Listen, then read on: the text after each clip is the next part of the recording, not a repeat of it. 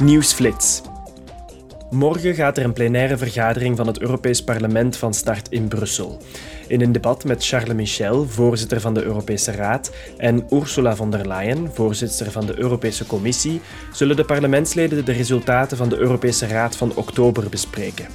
Die top draaide vooral om de oorlog van Rusland tegen Oekraïne, om klimaatverandering en om de situatie in Iran. Ook de energiecrisis staat op de agenda. Morgen zal het parlement debatteren en stemmen over een wetsontwerp dat de EU-landen die een herstelplan indienen, zou verplichten om energiebesparende maatregelen door te voeren, de productie van schone energie te verhogen en de energievoorziening te diversifiëren.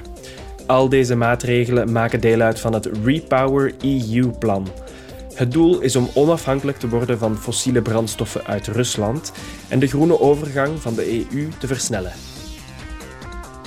Tot slot zullen de leden van het Europees Parlement vrijwel zeker hun steun uitspreken voor de toetreding van Kroatië tot het Schengengebied.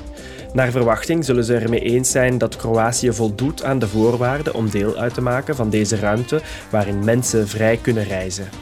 Na de stemming van het Europees Parlement zal de Raad unaniem moeten beslissen om de laatste grenscontroles tussen het Schengengebied en Kroatië op te heffen.